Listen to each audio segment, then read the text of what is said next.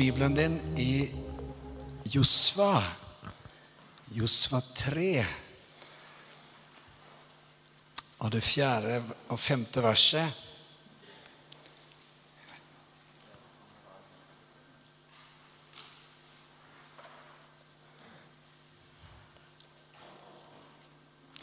Skal ta oss og lese et litt sånn Kanskje litt sånn kryptisk setning sånn med en gang, men, men som, noe som jeg har opplevd jeg skulle dele litt om i dag.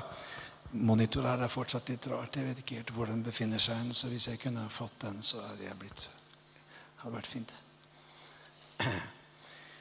Josfa 3 så står det i vers 4 det skal være en avstand mellom dere og arken omkring 2000 alen. Dere må ikke komme for nær den. Slik kan dere vite hva vei dere skal gå. For dere har ikke gått denne veien før. Da sa Josfa til folket, hellige dere, for i morgen vil Herren gjøre underfulle ting blant dere. Amen. Jeg håper du har hatt en god sommer. Det er jo fortsatt sommer der ute i Europa, i hvert fall. Kanskje litt sommer her hjemme også, sånn fortsatt. Det er godt å se deg. Det er godt å være her. Vi som han har sagt, vi har gleda oss til å få, få, komme hjem. Vi har vært mye på reise rundt omkring de siste ukene og egentlig de siste par månedene. Eh, det er jo sånn at Vi som menighet vi har et spesielt oppdrag på mange forskjellige felt. Vi er engasjert i misjon, vi er engasjert i nasjoner. Og det er jo så gøy å få lov til å holde på med det og få se at budskapet om Jesus det er noe som må ut. Budskapet om Jesus det er noe som må berøre mennesker rundt omkring overalt. Og nå er det sånn at Vi har holdt på med det som heter Jesus Revolution i eh, faktisk over 20 år. 21 år. Og jeg tror faktisk jeg kan si altså at det vi har vært vitne til denne sommeren, er noe som jeg ikke tror jeg har sett før. Og det er veldig, veldig oppmuntrende, fordi Jesus, han lever jo. Han gjør jo det. Og folk som lever, de gjør ting. Du merker hvis de er der, eller hvis de ikke er der. Og Jesus, han elsker å røre ved mennesker. Han elsker å tale til mennesker. Han elsker å helbrede mennesker. Og du vet, Det som er så spennende og som er så gøy å få lov til å se, det er at at skeptiske eller ateistiske eller filosofiske eller ja, helt klart uvitende, vanlige europeere i det øyeblikk Jesus kommer og liksom viser seg og åpenbarer seg Det er så gøy å få lov til å være med på. Det er kjempegøy. Og vi har altså vært eh, sammen med unge mennesker fra jeg tror det var 35 land eller noe sånt nå. Og vi sendte team fra Bulgaria til skal vi se om vi kan huske alle sammen, til Hellas, til Makedonia, til Albania, til eh, Kosovo, til Serbia, til Slovenia, til Kroatia, til Montenegro, Bulgaria. Det var så fint. Og når alle disse unge menneskene kom tilbake etter å ha vært ute en uke og delt om Jesus, så var altså fortellingene, historiene om hva Jesus hadde gjort, sto i kø. Det var liksom nesten 300, 291 for å være nøyaktig, som hadde blitt momentant helbredet. Altså, eh, Ofte når man ber for syke, så kan det jo ta en dag eller tre eller fem før liksom folk faktisk merker at jeg har blitt helbredet. Det kan jo være liksom, det kan ta litt tid. Men 291 mennesker kunne si med en gang 'Jeg er frisk. Jeg er fri. Jesus har rørt for meg.' Og du vet, For oss å liksom sitte og høre på dette og, og, nå er det sånn at vi er jo, Det er jo litt interessant hvilken tid vi lever i. fordi vi er jo litt sånn omvandrende medieavdelinger, egentlig alle mann, og med våre smartphones. ikke sant? Så, så fram med mobilen og ta bilde og intervju og filme. Det var så gøy! du vet. Jeg vet ikke om du, har, om du, har, vært troende lenge eller om du har vært en kristen lenge, så har du kanskje liksom fulgt med på sånne, sånne helbredelseskampanjer og du vet, sånne ting som, som, pågår der ute. Kanskje du har sett noen klipp fra Afrika. Har du sett det der? Liksom, du har sett liksom en krykke som liksom rager i været over folkemengden. Har du, har du sett sånne ting noen gang? Jeg mener, det, det, det var de greiene der vi så i Europa. På vårt eget kontinent. Det var så herlig. Jeg mener, En fyr han, han knakk krykka si. Jeg så filmen av det. Han liksom Nei, men den her trenger jeg jo ikke lenger. Så han bare knakk den og kastet den bort. En, en annen fyr liksom, De filmet han før og under og etter. Så du så liksom han kom humpende opp etter og liksom, og så på krykkene. Og så så du at han ble, ble frisk. Og så så du liksom neste klipp så så du at han bare gikk liksom bort med disse krykkene under armen. Og det er nesten sånn at man må klype seg litt i armen og tenke det her er vi med på. Dette skjer foran våre øyne. Dette skjer på vårt kontinent. Vi er europeere, hva? Eller vi bor i hvert fall i Europa. Jeg vet, vi er nær Nordpolen. Men, men altså, på vårt kontinent, her hvor vi bor, så gjør Jesus sånne ting. Er ikke det herlig? Og dette har jo vi som menighet. Vi har bedt for det gjennom lange tider, gjennom mange måneder. Vi har bedt for det, vi har takket Gud for det. Mange fra menigheten var der nede og, og gjorde det mulig. Og, og, hele gjengen, som nesten hvert fall, mange av de som var her og lovsang og, og spilte, de var der. Det var så oppmuntrende. Vi får lov til å se at Gud gjør herlige under for våre øyne. Amen. Vi har tatt opp kollekter til det, vi har gitt til det, vi har støttet til det. Og vi er så glad for å vende tilbake og si Wow, Gud gjorde helt fantastiske ting. Helt nydelige ting. Så, så, det er umulig å liksom komme opp her, og for meg da første søndagen etter at vi har vært lenge på reise, uten å bare liksom skryte litt av Jesus. Det er jo så herlig hva han gjør. Wow, wow, wow. Helt nydelig hva Jesus holder på med. Og jeg mener 1035 mennesker tok imot Jesus i løpet av en uke. Du vet, En by som vi kom til, så sa de kristne Det var fem kristne der i byen. Fem. Det fantes ingen menighet, men det fantes en liten gruppe. Og eh, De samles i den byen, og så sa de Hva vi vet så har det ikke vært offentlig forkynnelse her på gatene siden før det ottomanske imperiet eh, tok over Balkan i 1389. Så det har i hvert fall ikke skjedd siden før det. Så hvor lenge siden det var før det, det vet vi liksom ikke. Men, men kan du tenke deg Det er liksom en sånn 400-500 år siden forrige gang evangeliet ble forkynt offentlig på det stedet. Og det som, det som, er interessant er at Når man leser apostlenes gjerninger, så står det om at da evangelisten Philip kom til byen, så ble det stor glede i byen da han kom til Samaria. Jeg mener, Onde ånder føk ut med høye skrik. Eh, syke mennesker ble helbredet, folk ble frelst, folk ble døpt. Det, det, det, var liksom liv og røre begeistring. Ikke bare at folk som var troende, liksom ble glade, men byen ble glad. Det ble glede i byen fordi Jesus kom på banen. Og det, og det her har vi fått være med på. Det her har du vært med på. Det her har menigheten vært med på. Dette har vi fått lov til å stå i sammen ved alle de vi har sendt ut. Og det er nydelig! Oi, oi, oi, oi, oi, oi, oi.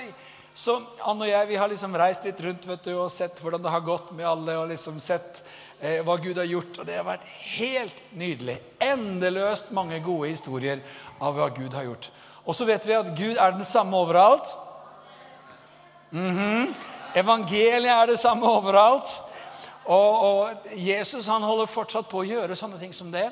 Så vi tror at vi skal liksom bare få fortsette i den strømmen og be for mennesker og be for syke og se mennesker bli frelst og se mennesker bli døpt og, og liksom tillagt forsamlingen. Det er herlig å få lov til å holde på med. Så, eh, og så når, når vi hadde vært på Balkan en stund, så, så dro vi videre. og Vi var litt og prekte rundt, omkring i Norge. og Vi var på en konferanse som heter Himmel og hav. Noen som har hørt om himmel og hav? En konferanse nede på Sørlandet. Eh, vi var i Salonsdal, litt forskjellige plasser. Der ble vi kjent med en svenske som snart kommer hit, til Jesus Church, faktisk. Han kommer hit om bare et par uker en som heter Sebastian Stakseth. Er det noen som har hørt om han? Vet du, Det er så herlig å se vi liksom bare vitne litt her om, om hva Jesus gjør. For det fins ingen sånne lost cases for God. Det fins ingen håpløse tilfeller for Jesus. Av og til så kan man tenke han er håpløs, eller hun der, det, det løpet er kjørt. Nei, vet du hva? Det fins ingen håpløse caser for Jesus. Et, tenk deg Paulus, da. Snakker om liksom håpløs case. Hæ? Forfølger de kristne, tvinger dem inn i fengsel, truer dem til å spotte. Jeg mener, Han hadde mye på samvittigheten. Samtykte i mordet på Stefanus. Han, han Og så har jo Jesus da sagt at vi skal be for alle som forfølger dere. Så Paulus han kommer jo som helt øverst på, på bønnelista, selvfølgelig. Så, så, og han åpenbarer Jesus seg for. Og, og, du vet, han, eh, Sebastian Stakseth, når han står opp og forteller om sin oppvekst, om sin barndom, om livet i Stockholm, om gjengmiljøene, om det de, de, de kriminelle rundebladet, om galskapen, om stoff, om elendighet. Du, du, til slutt så tenker du altså, En tredjedel, halvparten, altså, hadde vært så mye, så vanvittig, så voldsomt. At, altså Inn og ut av fengselet. ikke sant? Og, og, og, og, så mye hat, så mye opprør, så mye opptøyer, så mye vold, så mye slagsmål. Og, midt i de greiene der ikke sant, så, liksom, så blir, de, blir de rikskjendiser i Sverige med det her kartellet som kanskje mange har kjent opp, og liksom blir de første gangsterrapperne i Sverige. og Det er liksom gangsterrap i ordets rette forstand. altså Ikke bare gangsterrap som en musikalsk kategori, men gangsters rapping. Altså, og så kommer Jesus og frelser han. Hæ? Og, og nå er det altså, Og folk overalt vil høre hva Jesus har gjort i livet hans. og han og han har blitt intervjuet ikke sant, massevis av ganger på svensk TV før som gangsterrapper. Og nå sitter det samme karen som før var av, full av hat og liksom full av mørke. Og nå sitter han bare og stråler Jesus og forteller om hva Hva har skjedd med deg, Sebastian? Nei, jeg har opplevd Jesus. Jeg har opplevd fått fred med Gud. Jeg har opplevd hans kjærlighet. Det er jo helt nydelig. Og, og han har fått en spesiell tjeneste overfor folk som har samme bakgrunn.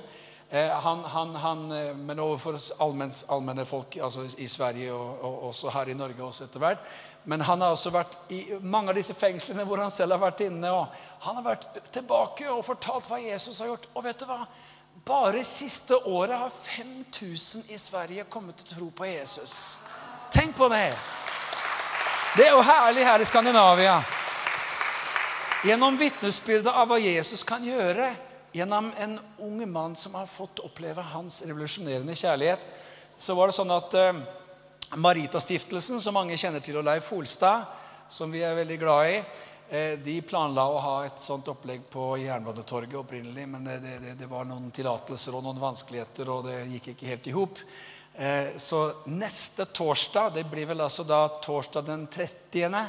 Eh, august, så, så, spurte de om ikke vi kunne være vertskap for et sånt felleskristent møte her i, i Markus kirke. Eh, hvor Sebastian skal få sin historie, fortelle sin historie. Så vi skal, vi skal, legge til rette for det og liksom sørge for at det blir greie rammer for det. og sånt, Men det er en felleskristent møte som, som Marita arrangerer, og så er vi medarrangører og hjelper til. Men det, det er en sånn jeg mener, Inviter med noen folk, inviter med noen venner. Ta med en nabo. jeg mener, Spill Spill en musikkvideo. liksom, Sebbe Stax var vel artistnavnet hans, tror jeg, eller Kartellet. Finn noen av disse gamle videoene, whatever. Spill det for noen. sett. han fyren her har opplevd Jesus. Du, du, må komme og høre hans historie. En banditt har blitt frelst, og folk overalt er sjokkert. Så, så skal vi ikke bruke den anledningen neste torsdag bare til å, til å liksom fylle kirka her med folk som trenger å høre evangeliet, de gode nyhetene om Jesus Kristus. Amen.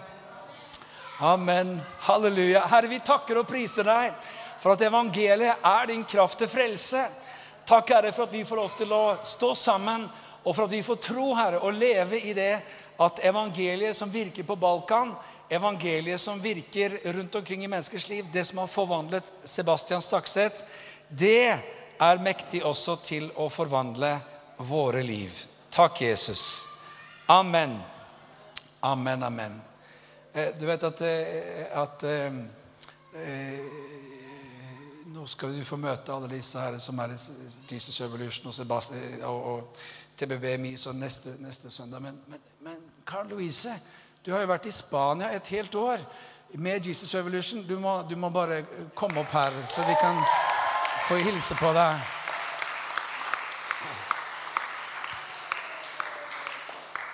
Vi vet jo at det er, eh, det er blitt sånn spontant, det her. Da. Litt sånn, litt, litt sånn, tak, sånn tapaspreking hvor vi går litt i alle retninger. Eh, men, eh, men, du har vært i Spania som misjonær, usendt fra Jesus Church siste året. Og hva har du opplevd? Wow! Hei, ja, for de som ikke kjenner meg, jeg heter Karen.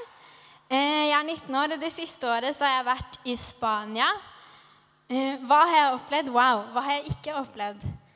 Mm, det har vært en helt utrolig spesiell tid. Jeg har vært ett år med seks måneder i trening og fem måneder ute og reise. Og vi har virkelig sett helt utrolige ting. Vi har sett så mange folk som har tatt imot Jesus. Vi har sett så mange helbredelser ute på gatene. Vi har sett så mange ungdommer som bare får sine liv totalt forandret. Og det har vært en helt spesiell tid. Altså, jeg har jo vokst opp i denne menigheten. Jeg vokste opp med Jesus Revolution. Det er et arbeid jeg har kjent til egentlig hele mitt liv. Men jeg kan virkelig si at jeg har vært en del av det arbeidet gjennom det året her har vært et så stort privilegium.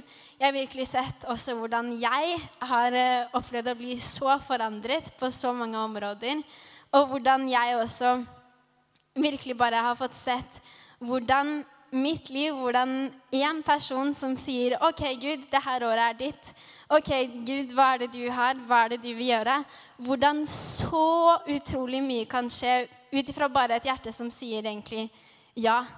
Og det har vært helt fantastisk å se hvordan, hvordan et villig hjerte, hvordan Gud bare kan bruke det på så mange måter, og se hvordan ditt ja kan være en direkte konsekvens til å se så mange liv endret. Så det har vært virkelig fantastisk.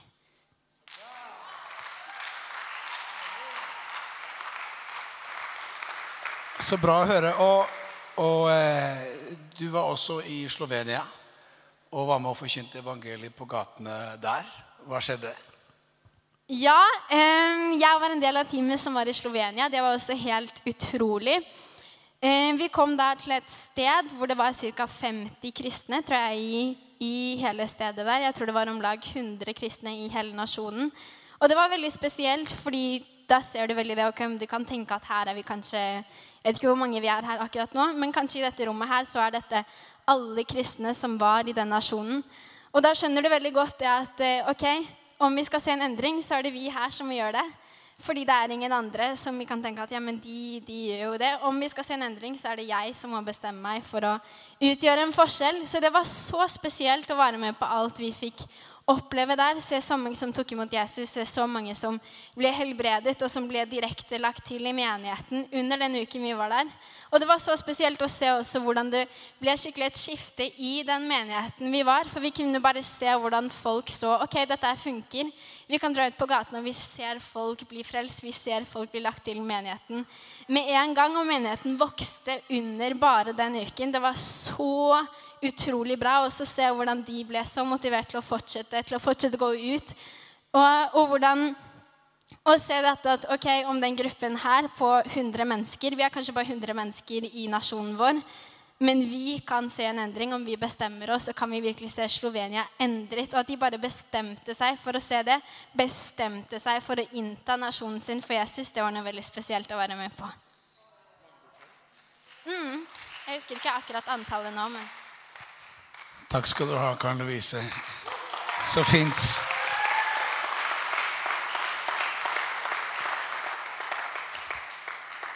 Ok, La meg gå tilbake til eh, verset fra Josfa 3, hvor, hvor, eh, hvor, det står at det skal være avstand mellom dere og arken. sånn Og sånn. Og så står det eh, så kan dere vite hva vei dere skal gå, for dere har ikke gått denne veien før. Har du noen gang vært i en sånn situasjon i livet ditt hvor på den ene siden så vet du, men på den andre siden så vet du ikke helt. På den ene siden så kan du kjenne at det er akkurat som at Den hellige ånd drar deg i en retning. Den hellige ånd leder veien. men det er akkurat som at han tar deg ut i en retning til å gå en vei som du ikke har gått før. Og Det er egentlig noe av det som skjer med israelsfolket her. Og Det som er interessant, det er at, at eh, det var litt avstand står det da, mellom arken. Eh, men arken, hva er det den symboliserer for noe? Jo, vi vet at arken, der var, eh, der var lovtavlene. Og så vet vi at arken den ble plassert etter hvert i, når tempelet ble bygget, i det aller helligste. Så arken er også et sånn symbol på Guds nærvær. Guds nærvær, Den hellige ånd, åndens nærvær, gikk foran israelsfolket. Og så skulle de følge etter. Og så, så sier Herren til dem eh, dere skal gå en vei som dere ikke har gått før. Og eh, Kanskje du har kommet hit i dag, dag, eller du er her i, i, dag og liksom Jeg vet ikke hva som skjer i livet ditt, jeg vet ikke hvor du står, jeg vet ikke hva som pågår på innsiden av deg. Men, men vet du hva? Det som er fantastisk gode nyheter, er følgende at Gud han faktisk tillater og av og til oppmuntrer oss til å være i en situasjon hvor vi kjenner oss litt usikre. Eh, er ikke det greit? Og, og, og det er ikke sånn at det er alltid veldig veldig behagelig å kjenne seg usikker. For liksom mm, Vi er glad for å ha oversikten, vi er glad for å ha kontrollen. Vi er glad for å liksom vite hva som skjer. og eh, og, og, og, det å liksom ikke ha, ha, full oversikt det kan være, føles litt sånn ubekvemt. Kan føles litt sånn ubehagelig. Eh, men samtidig så er det sånn at akkurat det kan få være muligheter til at Den hellige ånd og åndens nærvær får lede oss dit han vil ha oss. Derfor så er det sånn at Gud han alltid kaller oss til å følge han. Og, og hør nå her. Skal jeg, skal, jeg, skal jeg bare liksom kaste ut noen ting her. Ikke vær bekymra for framtiden. Ikke vær bekymra for det som ligger foran. Vi vet jo at Jesus han har sagt 'vær ikke bekymret for noe'. Det er bra. Halleluja. Så når vi bekymrer oss, så får vi jo vende om fra de syndene. da. Det er veldig bra med bekymringssynden og vende om fra den. Er det noen som har måttet gjøre det noen gang? Det er veldig bra. Eh, men vet du hva? Jeg vet ikke hvor gammel du er, men eh, om du, du er 20 år, om du er 30 år, om du er 50 år, om du er 60 år. Men jeg snakka med en fyr her en dag, og så sa jeg til han at vet du hva? Om noen tiår sa jeg, så synger jeg i englekoret. Og han så på meg så rart. Han sa, i alle dager er det for en måte å snakke om. Jeg er så veldig gammel, jeg er 48 år gammel, men liksom om, om noen tiår, sånn, om en, om en fire-fem tiår, et eller annet sånn, så synger jeg i englekoret. Jeg gleder meg. Det blir herlig, Harold. Å synge med englenes myriader. vet du, Synge lovsanger og stå innenfor Herren. Det er ikke så veldig lenge som denne lille etappen her nede varer, faktisk. Og så kan vi være sånn at vi liksom og Vi må ha full kontroll, vi må ha full oversikt, vi må ha liksom full koll på alt mellom himmel og jord. Men vet du hva? Snart er vi hjemme. Halleluja. Da blir det trygt. Da blir det veldig trygt og godt. skjønner du. Oi, oi, oi, oi. Det blir så trygt, det blir så godt, det blir så fint, det blir så herlig. Så Derfor så er det sånn at vår tro kalles for et anker. Ikke sant? Det, det, står om at vi har et anker for vår tro. og derfor så er det sånn at Hvor, hvor er det der ankeret? Jeg vet ikke om noen har vært på sjøen i, i sommer badet i sommer, vært i berøring med sjøen. Da skal jo ankeret det skal liksom i bunn. ikke sant? Det skal liksom i bunn, sånn at det blir, det blir, det blir eh, ja, feste. Og at båten ikke farer av gårde osv. Eller flytebrygga eller hva det er. Men når det gjelder vårt trosanker, så er det ikke bunnen av et hav, men det er i himmelen. Vi har liksom kastet vårt anker og det er der oppe, og det er urokkelig. Det er så fast. Og vet du hva? Den himmelske verden, de himmelske realiteter, er så mye mer reelle. Halleluja! Så mye mer reelle enn det vi ofte tenker på. Den hellige ånd og Gud Fader, Gud Sønn, Gud den hellige ånd. Alle englenes myriader. Vet, de er virkeligheter. Og snart er vi hjemme. Halleluja. Amen. Og Derfor så er det sånn at Jesus han taler til oss om at vi skal feste blikket på han. Og Det er det uttrykket som står i eh, Hebrebrevet, det tolvte kapittel. Du kan gjerne stå, slå opp det. Og mens du slår opp i brevbrevet 12, så har jeg lyst til å bare sitere ordspråksboken 16, det 9. verset, for der står det at mennesket tenker ut sin vei, men Herren styrer hans skritt. Og i Hebreerbrevet så står det i kapittel 12, vers 1. Så la oss derfor, da vi har en så stor sky av vitner omkring oss, legge av alt som tynger, og synden som henger så fast ved oss, og løpe med tålmodighet i den kamp vi har foran oss, med blikket festet på Jesus, han som er troens opphavsmann og fullender, for å oppnå den glede som ventet ham, led han tålmodig korset uten å akte vanæren, og har nå satt seg på høyre side av Guds trone. Hva står det for noe her? Jo, det står at vi skal legge av alt som tynger. Det står om at man skal legge av synd også, synder som kommer inn og som blir byrder i livene våre. Men eh, tyngder vet du, det er liksom litt andre greier. Det er bekymringer. Det er sånne eh, Vet du hva jeg mener? Hvor liksom man, man, man, tenker på, man tenker på denne uka som kommer, man tenker på det som ligger foran. Man kan tenke på en familiesituasjon, man kan tenke på jobben, man kan tenke på noe på skolen. man kan tenke på noe som, Og så er det bare bare du tenker på det, liksom, neste uke, neste måned, så er det akkurat som en sånn tyngde. Fins det noen som kjenner noen andre som noen gang har opplevd noe sånt noen gang? At liksom, Det er som en sånn tyngde. Og da, og da, og da eh, Disse tyngdene de, de, gjør at man liksom man, man luter ryggen litt. Man, liksom, man, man, kjenner at det er Man går og bærer på noe. Det underlige er jo at vi blir på en måte like bøyd i vårt indre og like bøyet i vårt sinn som om du bar 100 kilo på ryggen. ikke sant? Hvis du bar 100 kilo på ryggen, eller det var kanskje veldig, veldig, veldig mye, da, men en 50 kilo sekk kan vi vel alltid få til, så, så, så ville hele liksom Your stature, hele din kropp, hele, din, hele din, liksom, ditt vesen ville preges av at du bar på noe tungt. Det var noe liksom slitsomt, det var noe trått. Og du gledet deg til det øyeblikket hvor du kunne legge bort den tunge sekken som ble en byrde for deg.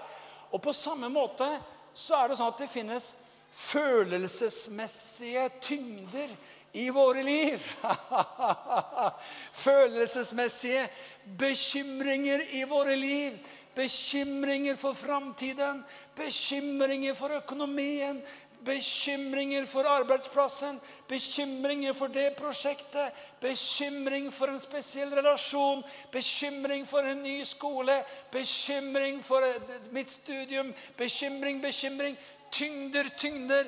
Og selv om det ikke er noen fysisk tyngde, så blir du på en måte preget av det. Du bærer på det. Du, du trykkes ned av disse tyngdene. Can I get a witness, somebody? Er det noen som vet hva vi snakker om her? At sånn kan livet være. Og da er det så herlig at Guds ord sier La oss legge av litt som tynger. Nei, la oss legge av alt som tynger. Alt som tynger. Amen. Alt sammen. Legge det ned. Og så, så, så, står det at jeg skal feste blikket på Jesus. Og vet du hva? Jeg, jeg, jeg tror at jeg, jeg, vet ikke om jeg gjør det hver dag, men jeg tror kanskje jeg gjør det hver dag. Jeg gjør det i hvert fall veldig, veldig ofte.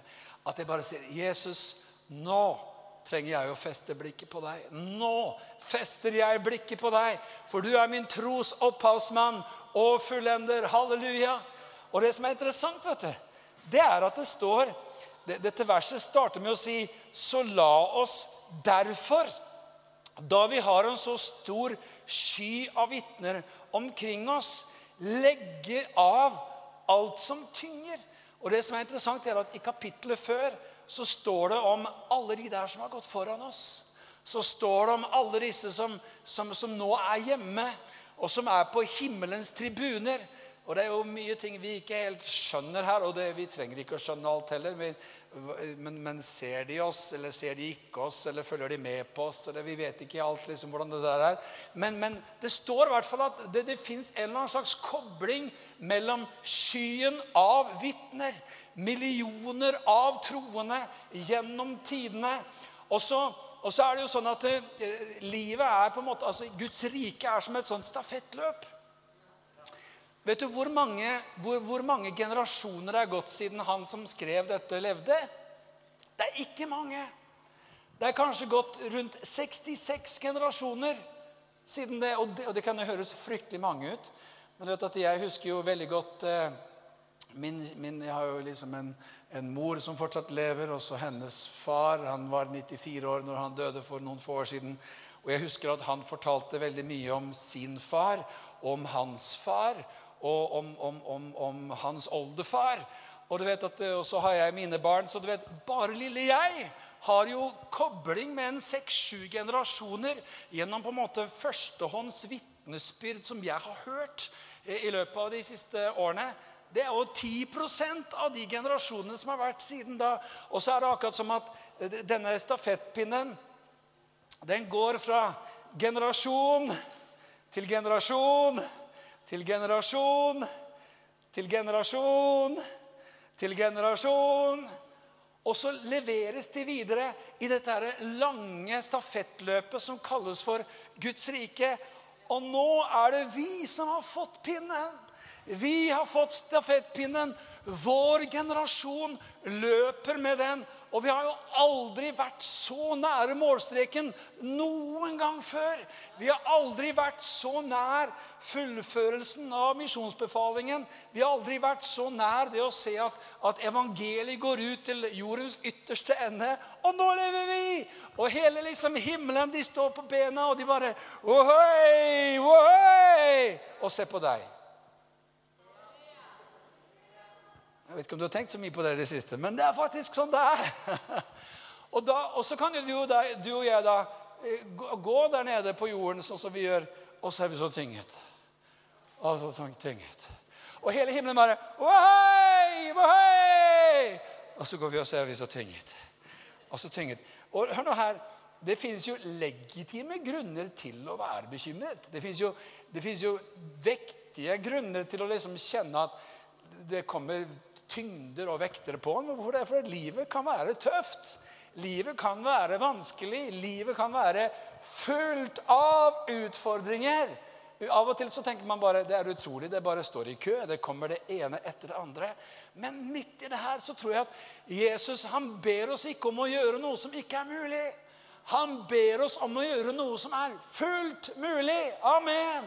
La oss derfor, da vi har en så stor sky av vitner, legge av alt. Halleluja. Alt som tynger. Kanskje du kan si det til noen. Alt. Alt som tynger. Amen. Ikke litt, ikke litt, men alt. Amen. Halleluja. Hørtes ut som en sang her. Skal vi ikke legge av alt som tynger, alt som tynger? Skal vi ikke legge av alt som tynger, alt som tynger? Skal vi ikke legge av alt som tynger, alt som tynger? Ikke sant? Vi skal legge av alt som tynger. Amen. Vet, jeg husker det var en spesiell fyr som var så utrolig glad alltid. og var så veldig liksom sånn, Der hvor jeg vokste opp. Og det var ikke pent sagt, men når, når folk i Tønsberg skulle liksom beskrive han, da, så sa de gjerne at han, ja, han er litt sånn enkeltmøblert, sa de bare.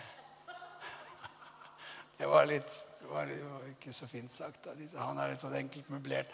Det vet liksom at Det han hadde mellom ørene, var litt begrensa. Men det var jo ikke sånn. Nei, det var en del det, det var, altså, han, han, var Jeg har aldri møtt noe så positivt menneske. Han var så positiv. Han var altså så det var liksom, Har du vært, vært, vært med sånne positive mennesker av og til? Som er så positive at du blir liksom provosert. Så positive er de. Hæ? Og så er det liksom, eh, Av og til så er det sånn at når du da har en litt sånn vet, One of those days, en av de dagene som du liksom ikke kjenner at livet er fantastisk og himmelen er blå, liksom, men hvor du går litt mer i moll, da har sånne superpositive eh, fyrer en tendens til å dukke opp. ikke sant? Å, hvilken fantastisk dag! Ja, det var jo Kan du si det?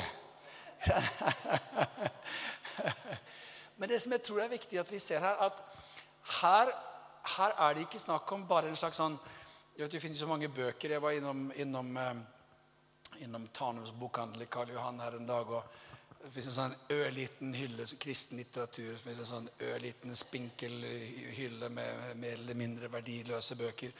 Og så var det sånn kjempegreie med self-help. ikke sant? Sånn selvhjelpsbøker. sånn Tre steg til å ta seg sammen, til å skjerpe seg, til å få løs sitt potensial gjennom å! Og det som er så deilig, det er at det her går så mye dypere enn en sånn slags allmenn prøve å ta seg sammen-greie. Det her dreier seg om en enkel åpenbaring, en enkel forståelse.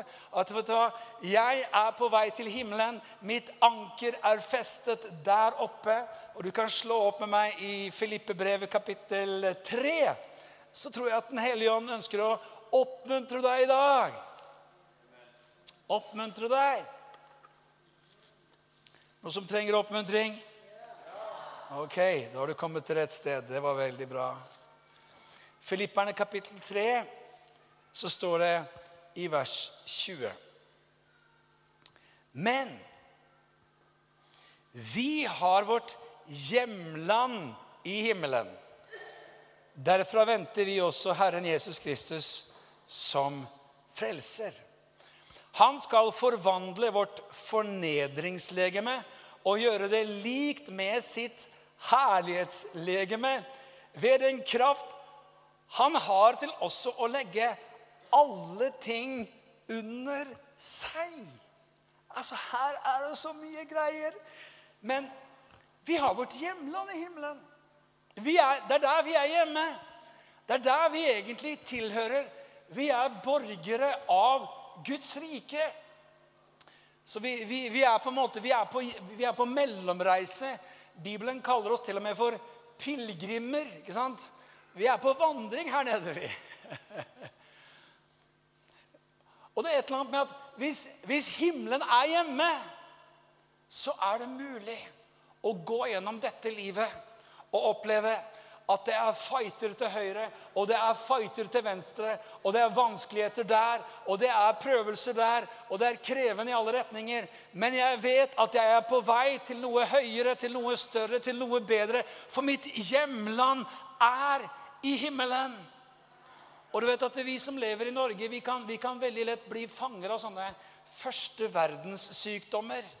First world diseases. Som er liksom alt som vi møter, og som blir byrder og som blir vanskeligheter. Og hør nå her, Jeg sier ikke at livet er, livet er bare enkelt i Norge. altså Vi, vi, kan, jo, vi kan, jo, ha våre, våre, greier. Men jeg må si at jeg, jeg, jeg, jeg har vært på plasser hvor jeg har nesten, nesten skammet meg litt. Jeg har i hvert fall tenkt, kjære Jesus, for jeg har møtt folk som om noen kunne klage, om noen kunne liksom uffe seg og akke seg, og liksom sånn, så var det de der som jeg traff et eller annet sted i, i, i en spesiell sammenheng. Jeg husker, tenker på i, i, Afrika, hvor det hadde vært vulkanutbrudd, og det hadde vært lagt hele byen i aske, og det var jo ingenting fra før, og så ble det enda verre. Det var i Kongo, eh, som jeg var og besøkte på et tidspunkt. Og, og, og, og det å møte kristne som liksom bare å, takk, Jesus, for livet. Takk, Jesus. Snart er vi hjemme. We are on our way to heaven. Vi skal til himmelen. Vi gleder oss. Og da kjenner jeg liksom at wow, jeg burde, jeg burde, jo prise Gud hver eneste dag. Jeg burde jo sprette ut av senga og i det øyeblikket jeg setter føttene mine på, på gulvet, si Wow, takk, Jesus. Hvilket liv jeg har fått. Hvilken nåde jeg har fått. Amen. Og Derfor er det sånn at vi som er på vei til himmelen, vet hva som skjer med deg. Når du vet at du er på vei til himmelen, da blir du takknemlig. Amen. Og det er en del av det der å legge av byrdene. Det er ikke bare å si 'Jeg legger av byrdene, jeg legger av byrdene, jeg legger av byrdene'. jeg legger av byrdene, jeg legger av byrdene, og Nei, der kom de på igjen, gitt. Å, jeg legger av byrdene, Oi, nei, jeg klarte ikke helt. Å, jeg legger av byrdene, jeg er ikke bekymret, jeg er ikke bekymret. Jeg bekjenner, jeg er ikke bekymret, jeg er ikke bekymret. Å nei, da ble jeg bekymret. jeg ble kjempebekymret. Fy, så bekymret jeg er. Men jeg skal ikke være bekymret. Å, jeg er ikke bekymret. Jeg bekjenner, jeg er ikke bekymret. Nei, vet du hva? Du må la noe erstatte den bekymringen. Og vet du hva det er for noe? Det er å gi takk til Herren. For det står nemlig at vær ikke bekymret for noe, men la i alle ting deres bønneemner komme fram til Gud i påkallelse og takk. Halleluja. Du skjønner, det er noe med det at I det øyeblikket jeg begynner å takke, i det øyeblikket jeg begynner å påkalle, så skjer det noe med min, min innstilling, så skjer det noe med mitt fokus. Jeg begynner å si 'Å, takk, Herre'. Takk, Herre Jesus Kristus. Vet, jeg, jeg, vet, jeg, jeg, har jo ikke, opplevd så mange sånne fysiske prøvelser, men en gang så opplevde jeg en og, og, og som var så, sånn sett høyst reell. Eh, og jeg husker at jeg lå i vater eh, på sykehuset i en, en, uke i en seng og kunne ikke bevege meg. Eh, og hadde hatt en operasjon i benet. Og, og jeg, bare, jeg, bare, så folk som gikk forbi ute på, på gressplenen, som gikk. Og jeg liksom bare tenkte De går.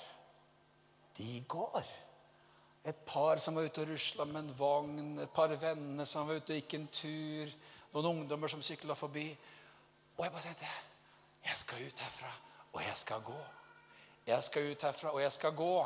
Og jeg, liksom, jeg husker første gåtur etter den operasjonen. Den var på 700 meter, og det tok 25 minutter. liksom oi. 40 dager senere så var vi på, var vi på 2000 meters høyde og var på Veslesmeden. Men, men vet du, jeg finner meg, det her er jo kanskje fem-seks år siden, jeg finner meg selv i den situasjonen ofte at jeg sier Takk at jeg kan gå. Å, takk, Jesus, at jeg kan gå. Jeg har gått til kirka i dag, og jeg har gått og sagt takk, Jesus. Takk for at jeg kan gå. Takk for at disse bena her funker. Takk, Jesus, at det er liv i meg. Takk, Herre Jesus, at jeg kan puste, at jeg kan leve. Takk for at Den hellige ånd bor i meg. Takk at mitt navn er skrevet i livets bok. Takk for menigheten. Takk for forsamlingen. Takk for fellesskapet av de troende. Jeg mener, Når du først begynner å tenke over alt du har å takke Gud for, så er det jo, det er jo endeløst. Endeløst. Og det gjør livet så rikt, så godt og så herlig. Halleluja. Amen. Halleluja. Takk, Jesus. Vi har vårt hjemland i himmelen. Halleluja. Wow! Så du vet jo om det står Norge eller om det står Peru på ditt pass, det vet jeg ikke. Men egentlig så skulle det stått 'Citizen of Heaven'. Halleluja. Amen. Du er på vei dit, du, vet du. Himmelborger. Og Det som er interessant i disse versene, her, er at det står noe med. Det står um, Vi har vårt hjemland i himmelen. Derfor venter vi også vår Herre Jesus Kristus som frelser.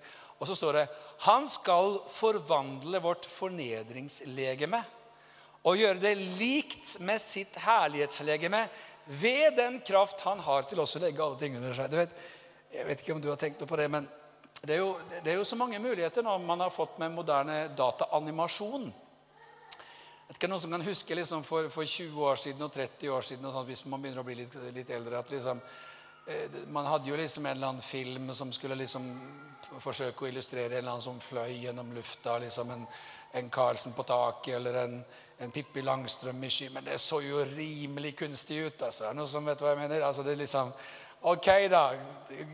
Greit med litt velvilje, så kan vi være med på dette her. Men det, var, det så jo bare så utrolig dårlig ut. Mens nå Det, det fins jo så mange sånne superhero-filmer.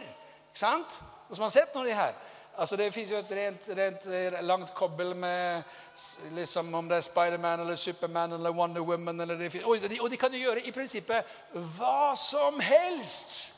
Ikke sant? Plutselig så bare så er de på toppen av en skyskraper. ikke sant? Har du tenkt, det, har du tenkt på det her at det, det, her er snart du? Har har du tenkt på det at det, du, du, kommer til å holde på sånn snart? Nei, Det har jeg aldri tenkt på. Det her høres jo helt fjernt ut. Nei, men vi bare liksom... Det står at han skal forandre vårt fornedringslegeme. og, og gjøre det til et herlighetslegeme. Har du lest det evangeliet? Har du lest om Jesus? Plutselig så, så sto han der blant disiplene. Alle vegger var, eh, var, var, stengt og alt mulig. Og plutselig så sto han der. Og de tenkte det er et spøkelse. Nei, nei, nei, det var ikke noe spøkelse. Gi meg litt å spise, sa han. Og så fikk han litt å spise, og så skulle han bevise for dem at han, det var fortsatt et kropp. Det var bare et, et nytt materie. vet du, hvor liksom, et eller annet, Jeg vet ikke hvordan Herren har gjort det greiene der, men et eller annet med atomene og liksom et eller annet som gjør at liksom, du kan fyke over i andre tilstander og gjennom vegger og forskjellig. Eh, plutselig så bare gikk to mennesker til Emmaus, og der var Jesus. ikke sant? Jeg mener, come on! Jeg, du kan gjerne se på en sånn film, altså, men det blir jo, liksom, liksom blir jo litt lavt nivå altså, i forhold til hva du og jeg er på vei inn i. Halleluja. Amen. Vi er, vi er liksom inne i litt andre greier. Halleluja. Vi skal jo over på andre siden. Himmelborgere. Vi skal ha herlighetslegeme. Ja, det har ikke jeg tenkt så mye på. Nei, men det har jeg begynt å tenke litt på, og jeg syns det er litt gøy. Vet du hva? Jeg tror på hele greiene. Jeg, jeg tror på Den hellige ånd, jeg tror på engler, jeg tror på oppstandelse fra de døde, jeg tror på kroppens oppstandelse, jeg tror på herlighetslegeme. Jeg tror på alt sammen. Amen. Ta det overnaturlige ut av boka, så er det nesten ingenting igjen. Ikke sant? Har du liksom sett noen som har mistet en sånn gassballong på 17. mai noen gang? sett liksom... Har du tenkt noen, tenkt noen gang på at det, det der kan bli deg en gang? det er ikke sikkert at du skal si det til naboen sånn nødvendigvis. At ja, du ser sånn som den ballongen der. Det er meg om ikke lenge. ikke sikkert det går rett inn. altså. Det kan jo være at liksom må forklare litt, da, men vi tror på dette. Halleluja. Og jeg tror at det er et eller annet med, med, med, med at, at, dette her med himmelen, det å leve med himmelforventning i veldig mange land, i veldig mange kulturer, i veldig mange sammenhenger hvor også de kristne opplever at det, det krever så mye å tro. Det krever så mye å stå opp for troen sin. Det er en så høy pris å betale. Det er å risikere fengsling, det er å risikere tortur, det er å risikere sånn som faktisk vi har sett i store deler av, av vårt eget kontinent i Øst-Europa. Eh, og vi har hørt vitnesbyrd om det for, for, ikke lenge siden at eh, hvis du fulgte Jesus, så kunne du bare glemme universitetsutdannelse, du kunne bare glemme høyere utdanning, du kunne glemme enhver posisjon som hadde noen som helst innflytelse. Du var liksom du, du får gjøre si og så. That's it fordi at du var en kristen. Dette har vært ganske nylig på vårt eget kontinent. Eh, fram til for bare 20 år siden drøyt, så var det sånn. Og vet du hva? For mange har opplevd at, at det, det, å følge Jesus. There's a price to that. ikke sant? Men vet du hva? For mange så er det det her. De trøster hverandre med disse ord. Jesus Kristus, amen. Han kommer tilbake. Halleluja.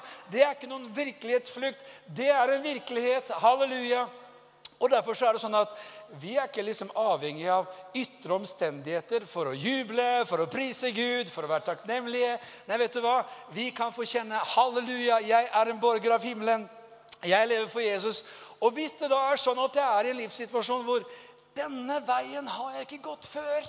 Det som kommer nå, vet jeg liksom ikke helt hva kommer til å innebære. Jeg har liksom ikke helt kontrollen. Amen, men det har han. Amen, men det har han. Amen, men det har han. Halleluja. Amen. Han har oversikten, han har kontrollen. Vet Du hva? Du kan til og med hvile i det. Du kan vite omtrent ikke noe om hva som ligger en uke fram, og du kan hvile i Gud. Halleluja. Amen. Å, det er så godt å kjenne Jesus. Det er så godt å følge han. Og så tenker jeg også, jeg skal si det til slutt her da, at for oss da her i Jesus Church så tror jeg at dette også er et ord for oss. At dere har ikke gått denne veien før. Det er så mange nye, spennende ting som ligger foran oss.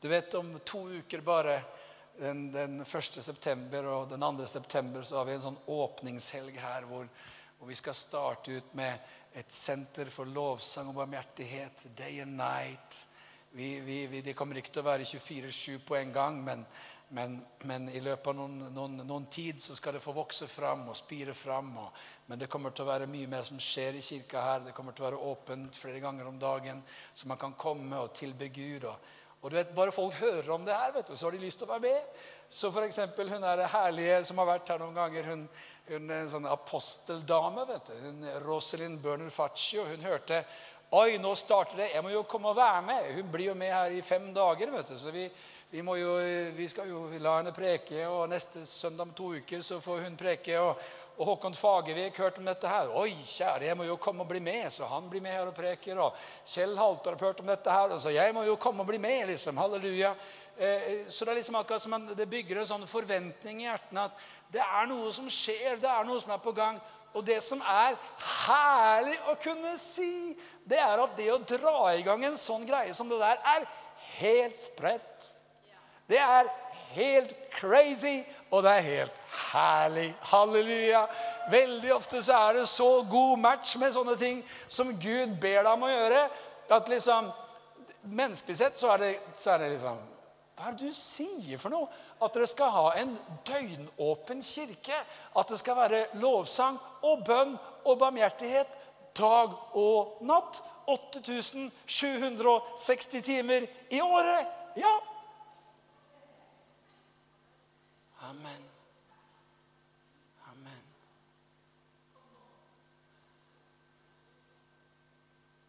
Vi snakket for kort tid siden med en, en mann som driver med kristen TV. og Han hadde bare fått brosjyren for Day and Night. Og så begynte han å gråte når han holdt den i hånden. Tenkte, Hva er det her for noe? Hva er det Jesus kommer til å gjøre for noe her? Og Vi traff han og vi sa vi vet ikke helt, men det vi i hvert fall vet, er at samtidig som det ordet kom at vi skulle ha 24-7 worship and prayer and mercy, så sa Den hellige ånd it's gonna be broadcast around the world 24-7. Og det ordet kom i 2002. Jeg vet ikke om du vet noen ting om kringkasting i 2002, men det var en veldig annen greie enn i 2018. 150 kilos TV-kameraer. Eh, altså satellitt, whatever, I have no idea. Det var jo så gåtefullt for oss når dette ordet kom, at det her skal være broadcast around the world. Jeg mener, Du kan jo broadcaste yourself around the world hvis du vil. ikke sant? Hvis du har en Facebook-konto. Forhåpentligvis ikke 24-7, da. Det vet jeg ikke om jeg anbefaler sånn med det første. Men, men, men nå er jo det her mulig, ikke sant? Og så kan man da tenke Hvorfor det? Nei, jeg vet ikke. Men Gud har sagt det. Halleluja. Jeg syns det er så, så gøy ja. når Gud bare sier noe. Og så er det ofte sånn at vi tenker jeg skal vite hvorfor, jeg skal vite hvordan, jeg skal, da, da, da, jeg skal ha kontroll. Og når jeg har full kontroll og full oversikt, da beveger jeg meg. Ja, det er ikke helt sånn det er. skjønner du. Det er sånn at sett et sted Sett et, et skritt ned i Jordan. Gå og la nærværet, arken, gå foran. Følg på! Og gå en vei dere ikke har gått før. Og det interessante, Du kan lese mer om det hjemme, men i de samme versene så, så, så, så står det at dere skal først sette steget ned, og så skal jeg skille Jordan. Og så skal dere gå igjennom. Og Som regel så er det sånn at vi sier Nei, Gud, jeg har et bedre forslag. Først så deler du Jordan, og så går jeg. Ok, Herre? Ok, ok, ok, ok. ok. Og Gud sier mm -mm. Du tar steget i Jordan, og jeg skiller elva. Nei, vi gjør det ikke sånn, Herre. Vi, du skiller Jordan, og så går jeg. Det er det her som kalles tro. Å stole på og ha tillit til Gud. At det som man kjenner i sitt indre, kan være en dragning, en fornemmelse som drar en i en retning. Så må man faktisk være villig til å våge, satse, tørre. Vi sier jo i Norge 'den som intet våger, intet vinner'. Og jeg tenker at når du og jeg blir riktig gamle og grå, hva er det vi kommer til å angre på?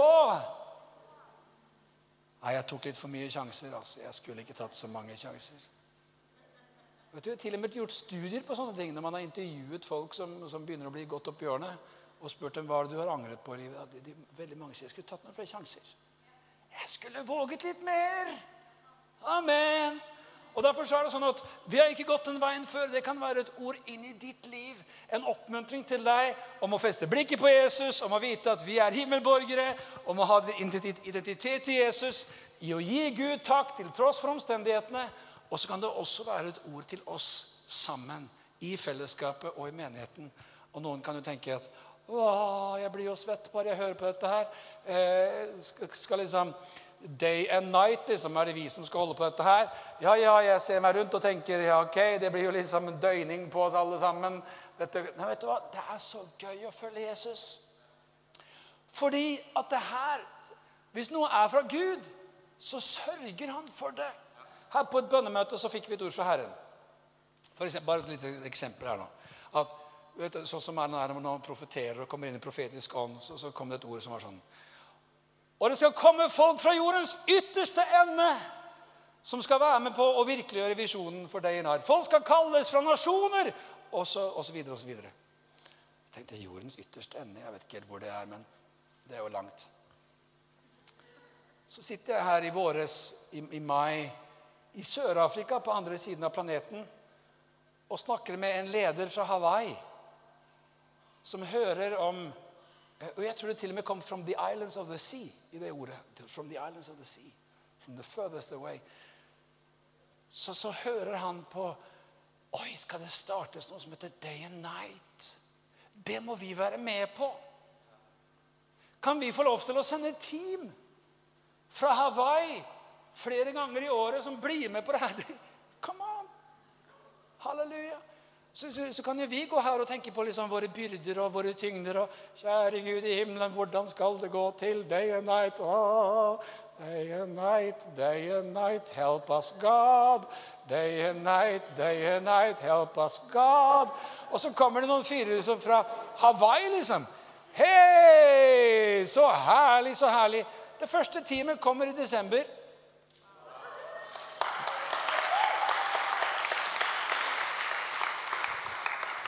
Det er klart at Du kan jo liksom tenke at i alle dager, hvordan skal vi få fylt opp liksom med day and night og bønn og lovsang i romjulen? liksom? Det er kanskje ikke det enkleste. Med liksom jul og nyttår og tarada. Da kommer det en gjeng fra Hawaii som skal stå her og prise Gud. Så det er liksom, Hvis du ser en eller annen fyr som ser ut som han er inspirert av et eller annet Honolulu, så vet du at det er bønnesvaret som er på vei. Amen. Amen. Så jeg mener, come on, church. Det er noen spennende dager. Det er noen spennende, spennende tid som ligger foran. Gud holder på å gjøre noe. Det er en vei vi ikke har gått før. Og vi sier OK, dette er vi klar for. Og så får man liksom bare ta tak i den biten man syns man er glad for å ta tak for. Og så tror vi at det her skal være en glede, ikke en byrde. En glede. Amen. Halleluja. Og så har vi tillit til at Gud går foran oss, at han leder veien. Amen. Skal vi reise oss opp, alle sammen? Takk, Jesus. Herre, vi priser og vi takker og vi ærer deg. Wow, wow, wow, wow, wow. Så gøy det er å få lov til å kjenne deg. Så gøy det er å få gå din vei. Så gøy, så gøy, så gøy. I Jesu navn. Halleluja. Å få lov til å vandre i ferdelagte gjerninger. Amen. Ja, men da, da kan du få lov til å sitte ned igjen. Vær så god, sitt.